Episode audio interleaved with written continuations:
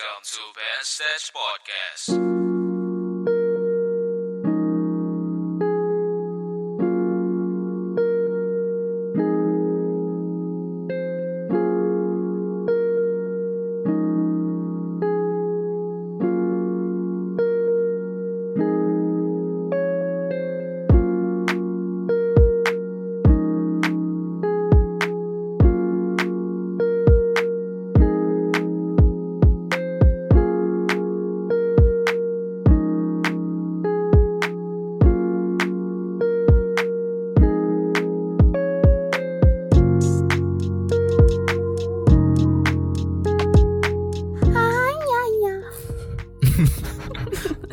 Ayayay. Halo.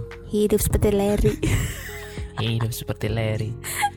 Hidup seperti Larry Gak jelas banget sih ini openingnya Oke, halo semuanya. Assalamualaikum warahmatullahi wabarakatuh. Waalaikumsalam warahmatullahi wabarakatuh Oke, jamaah ya. Hidup seperti Larry Ya Allah Eh, mohon maaf atas opening yang tidak jelas ini. Selamat datang kembali di channel Ben Stage Podcast. Hampir gue bilang Om Ben Beats. Oke. Tahu eh, yang artis youtuber Amin. Youtuber Ya namanya juga orang cari duit, Pak. Bapak belum udah- duit. Bapak butuh duit ternyata ya Saya Iya, kira Bapak tidak butuh duit Betul lah. Aduh Oke, Lanjut. kembali dalam Besets Podcast hari ini hari Minggu tanggal Tanggal berapa ayo Tak cek sih. Lama tanggal Kapan 8 Desember 2019. 19 Belum 2020 19 Tiga minggu lagi kita berada di penghujung tahun 2019. Yap Apakah hidup Sudah Anda sudah berprogres? Sudah terlihat ngomong ngomong tuh pakai bismillah. Biar nggak bodoh mulutnya. Apakah sudah terrealisasikan semua harapan-harapan kawan-kawan semua? Ya semoga Iya nggak tahu. berapa? Saya nggak nanya kamu, saya nanya ke pendengar. Saya ngomong sama anda, saya nanya ke pendengar. Iya, nyontek. Ya semoga di penghujung tahun ini apa yang teman-teman tulis di buku kecil impiannya apa-apa Mm-mm. saja sudah terwujudkan semua Amin. atau mungkin ada yang belum terwujudkan masih ada tahun 2020 insya Nggak Allah. terwujud soalnya nggak ditulis soal. hari ini kita kayaknya perlu canda dan tawa karena Karena kita cukup stres ya dengan topik hari ini. Karena topik ini berdasarkan eh, suggestion dari teman kita eh, HW atau Mr. H. Jadi beliau menyarankan pengen ngomong tentang sebenarnya pilihan antara impian anak pertama dan juga eh, realitanya. Cuman agar lebih mencakup semua anak gitu ya. Kita nggak milih anak pertama, kedua, ketiga karena masing-masing punya kelebihannya kelebihan dan keistimewaan. kekurangan dan keistimewaan dan lain sebagainya. So kita akan lebih membahas tentang impian atau realita. Ada suara anjing ya. Sudah anggap saja itu backsong. Lanjut. Ya, impian atau realita. Ini judulnya mirip-mirip judul-judul FTV ya. Impian atau realita. Enggak, kayak judul novel. Judul iya judul novel ya. Kita membutuhkan waktu mungkin hampir sejam untuk memikirkan judul yang tidak biasa tapi jadinya yang biasa-biasa saja. Ya meskipun judulnya biasa mudah-mudahan eh, topik pembahasannya ada manfaat yang bisa teman-teman Yes. ambil. Eh, kenapa kita concern banget tentang impian dan realita ini terutama bagi kita yang mungkin saat ini sudah ada yang mulai mencari pekerjaan dan juga sudah terjun ke dunia pekerjaan untuk pertama kali. Tentu ada yang memang sesuai impiannya dalam bekerja Hmm. atau bahkan mungkin eh, menggadaikan idealisnya dengan eh, realita yang ada. Ah, tetapi menurutmu gimana deh? Apanya? Anda kalau diajak ngobrol fokus dong. Jangan ngalamun. Habis serius banget. Habis serius banget berasa kayak lagi seminar public speaking. Oke deh, biar nggak terlalu kaku ya. menurutmu apakah seseorang harus mempunyai impian? Harus. Why? Karena harus. Terima kasih atas informasinya. Enggak, enggak, bercanda, bercanda. Harus karena impian itu adalah semangat Hmm, buat kita apa ya? semangat gitu. Bukan. Impian itu Ya Allah, Lanjut, lanjut, lanjut. Jadi orang itu bisa semangat menjalankan kehidupannya karena ada impian. Oke. Kalau nggak punya impian, nggak semangat. Berarti dalam artian impian itu adalah Mm-mm. tujuan hidup. Bisa dibilang begitu? Hmm, bisa sih karena semua orang yang yang bernyawa kan pasti pengen dalam hidupnya tuh dia bisa punya A, punya B, mi- memiliki A, B, menggapai A, B dan karena ada impian-impian itu makanya mereka apa ya bisa jadi lebih semangat untuk menjalani hidup. Sederhananya gini lah orang kalau nggak punya apa-apa lagi untuk yang untuk yang ia perjuangkan pasti nggak ada semangat hidupnya Oke. sama kayak impian Oke, berarti impian orang-orang pasti punya dan impian itu harus berusaha digapai untuk mendapatkan A, B, dan C dan seterusnya. Hmm. Sampailah pada pertanyaan kedua. Apakah impian itu harus sulit? Dalam artian impian itu emang harus tinggi banget atau impian itu memang harus sulit dicapai gitu. kalau aku menamai sebuah impian itu memang harus yang sulit Hmm? karena apa ya kalau hal itu gampang ya udah Bukan impian ya? iya maksudnya ya udah udah bisa udah bisa ya sudah mau apa lagi gitu Heeh. karena gampang Hmm. tapi kalau sulit itu pasti kita punya apa ya punya daya juang yang lebih Hmm. untuk itu makanya yang aku kasih label impian itu ya yang punya perjuangan lebih untuk Ah. menggapai itu kalau misalnya dia mudah itu bukan impian sih Target mungkin ya? iya iya ya bisa Jadi dibilang ya ya. itu target ya misalnya kamu bisa beli mobil harga segini gitu ya sudah beli ya beli aja gitu tapi kalau kamu target maunya mobil yang segini yang memang belum bisa kamu gapai dengan penghasilanmu atau tabunganmu berarti kan kamu punya apa ya usaha yang lebih ekstra Ah, untuk menggapai itu. Nah, ketika digapai kan kita pasti punya kepuasan tersendiri ya. Oh, berarti apa yang aku impikan selama ini aku bisa capai nih dengan perjuanganku yang bla bla bla bla bla. hmm. Jadi ya impian harus sulit kalau menurutku. Hmm. Iya, karena kesulitan itu membuat sebuah impian itu menjadi meaningful. Hmm, Jadi berarti untuk kita perjuangkan. iya. Jadi Ya, dia semakin sulit dia akan semakin berarti buat kita. Iya. Karena misalnya kita beli maem roti bakar 10.000 sama roti bakar 1 juta lebih berarti yang mana? Satu juta, nggak aku makan rotinya. Aku simpan. Apalagi kalau bentuknya lucu, aku simpan aja.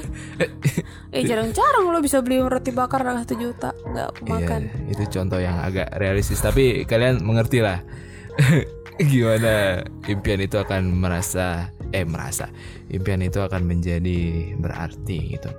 Nah sekarang impian harus dimiliki oleh semua orang karena tanpa impian mungkin orang akan tidak tahu tujuan hidupnya ke mana. But di umur-umur kita nih, umur-umur millennials, sekitar berapa ya umur millennials? 20-an tahun. Hmm. Kadang kita menghadapi permasalahan atau menghadapi realita kehidupan di mana mau tidak mau sekeras apa pun kita, seidealis kita, pada suatu titik kita akan ibaratnya terpukul ke bawah, pak, itu jatuh. Idealis kita harus kita lepas. Kalau aku nggak menyebutnya lepas sih, tertahan aja. Heeh. Jadi ini kan kita bahas impian. Mm-mm. Impian berarti kalau kita mau mencapai mau mencapai impian kita kan berarti kita idealis nih, harus itu. Terus itu. But tapi kamu kalau kita mengikuti idealis, Hmm. kadang tuntutan di luar itu jauh lebih besar untuk Mm-mm. mendesak kita. So what you gonna do? Ya realistis aja lah. semua orang butuh uang Iya, yang paling yang paling real aja ya. iya yang paling real ya itu sih kadang kita maunya kita gini nih tapi ternyata di luar sana tidak butuh kita yang seperti itu Hmm. dia butuh kita yang lain kalau nggak ngikutin mati kita. Maksudnya bahasa sederhananya lah. Kalau kita nggak ngikutin ya kita mati. Kita nggak bisa bakal survive seperti yang lain.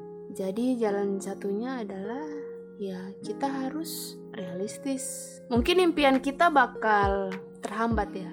Jadi aku bilangnya itu impian kita tidak sirna. Tetapi impian kita terhenti sementara Hmm. untuk supaya kita bisa bertahan hidup. Hmm.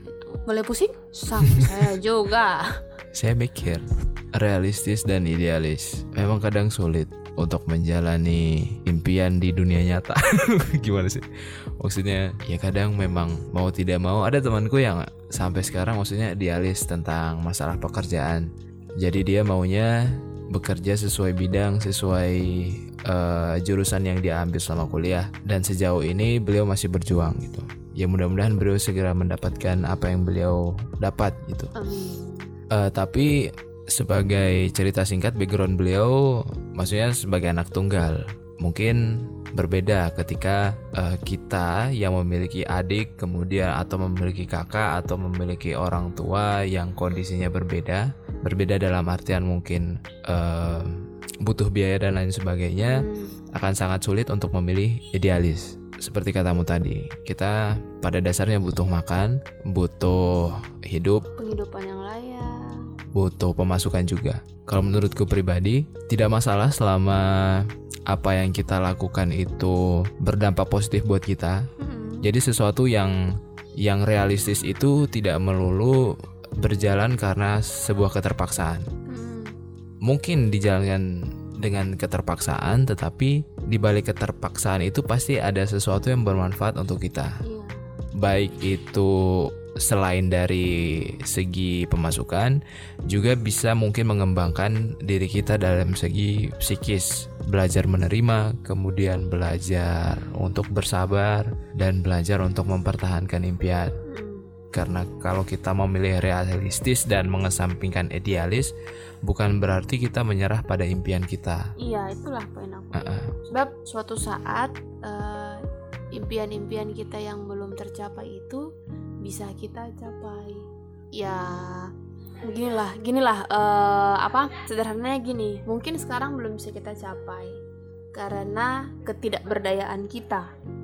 Sebab kita tidak bisa eh, ikut survive di kehidupan yang ada ini. Tapi suatu saat kita bisa menggapai impian kita karena kita sudah mampu atau kita sudah bisa survive dengan kehidupan kita. Mungkin itu yang menjadi menjadi apa ya? Menjadi menjadi kunci atau jawaban kita kenapa sih impian kita nggak nggak kecapai gitu. Mungkin karena pada saat itu kita belum mampu, kita kita belum mampu. Terus kita dituntut untuk bisa kamu survive dulu lah, impianmu tuh nanti dulu gitu. Makanya kita suruh eh, makanya kita diminta buat survive dulu yang nantinya suatu saat insya Allah kita bisa gapai impian kita jadi ber- berpikirnya terbalik gitu Hmm. karena banyak orang yang ngerasa bahwa ketika eh, dia bekerja atau dia menggeluti suatu bidang yang tidak sesuai dengan yang dia inginkan kayak ngerasa ya sayang banget nih Hmm. apa yang udah aku kejar dari lama udah kayaknya sia-sia aja gitu. Ya enggak enggak enggak ada yang kayak gitu sebenarnya. Uh-uh. kamu bisa kamu bisa eh, melanjutkan apa yang menjadi impianmu di saat nanti eh, kamu mampu. Kembali lagi tadi yang aku bilang itu.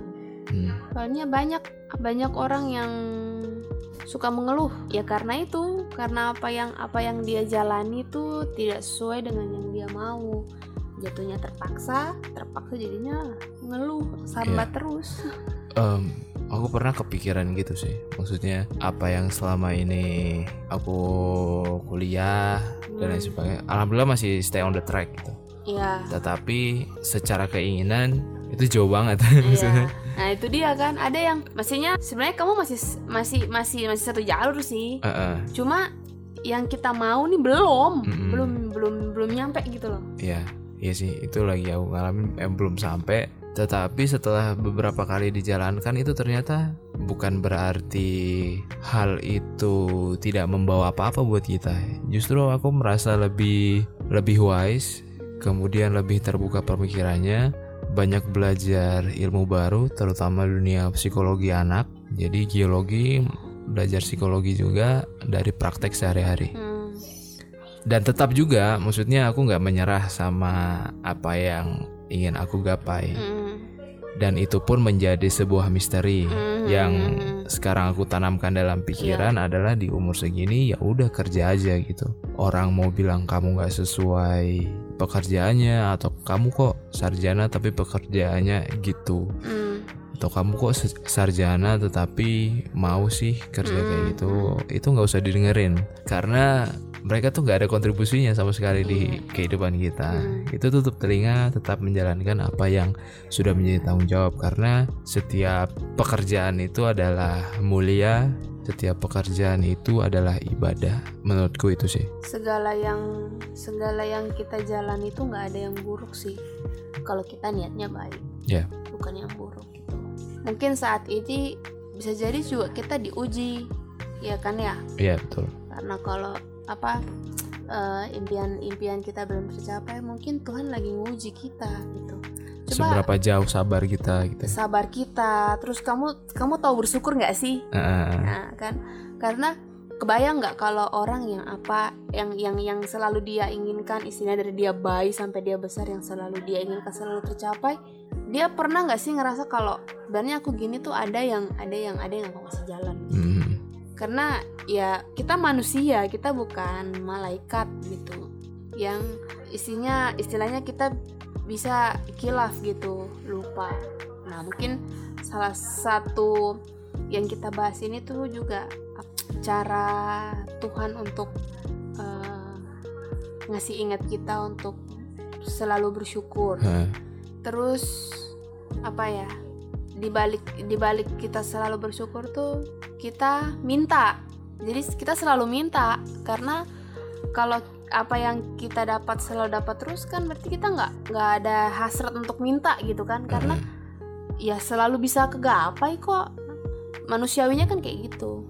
Itu sih yang yang apa ya yang yang bisa di, di, di- diambil sisi baiknya. Karena kan sebagai manusia kan kita kebanyakan mikirnya yang yang nggak bagus ya terus kayak baru baru baru sulit sekali langsung menganggap bahwa kita nih orang yang paling menderita di antara yang Eh, lain betul betul Gitu.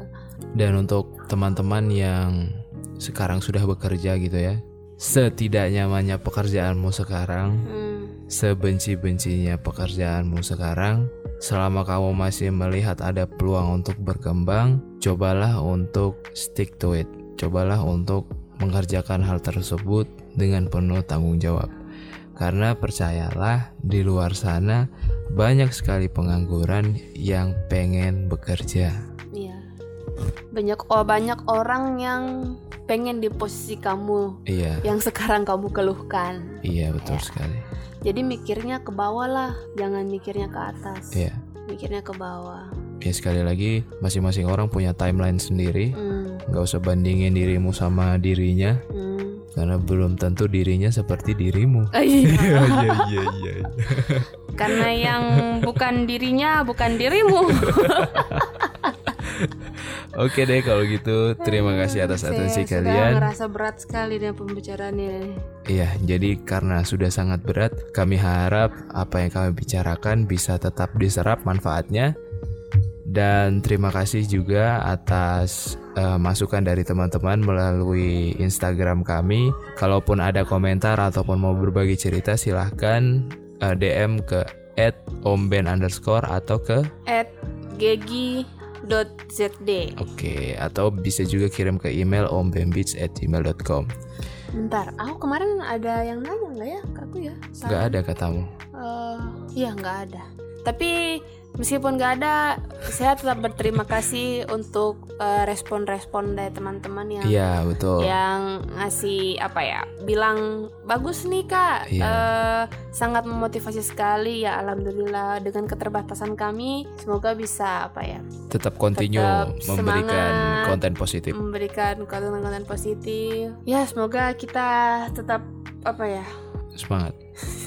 kalau bisa dikatakan tetap semangat pokoknya ada respon dari teman-teman lah ya minimal eh, ngasih emoticon aja tuh udah apa ya udah sangat-sangat berterima kasih lah kami istilahnya itu itu bisa jadi semangat kami bahwa oh ternyata ada yang mendengarkan bacot kita Iya. iya sih, benar. Oke, itu episode 23. Terima kasih semuanya. Saya Om Ben dan Gisda Take Over Season. Assalamualaikum warahmatullahi wabarakatuh. Waalaikumsalam warahmatullahi wabarakatuh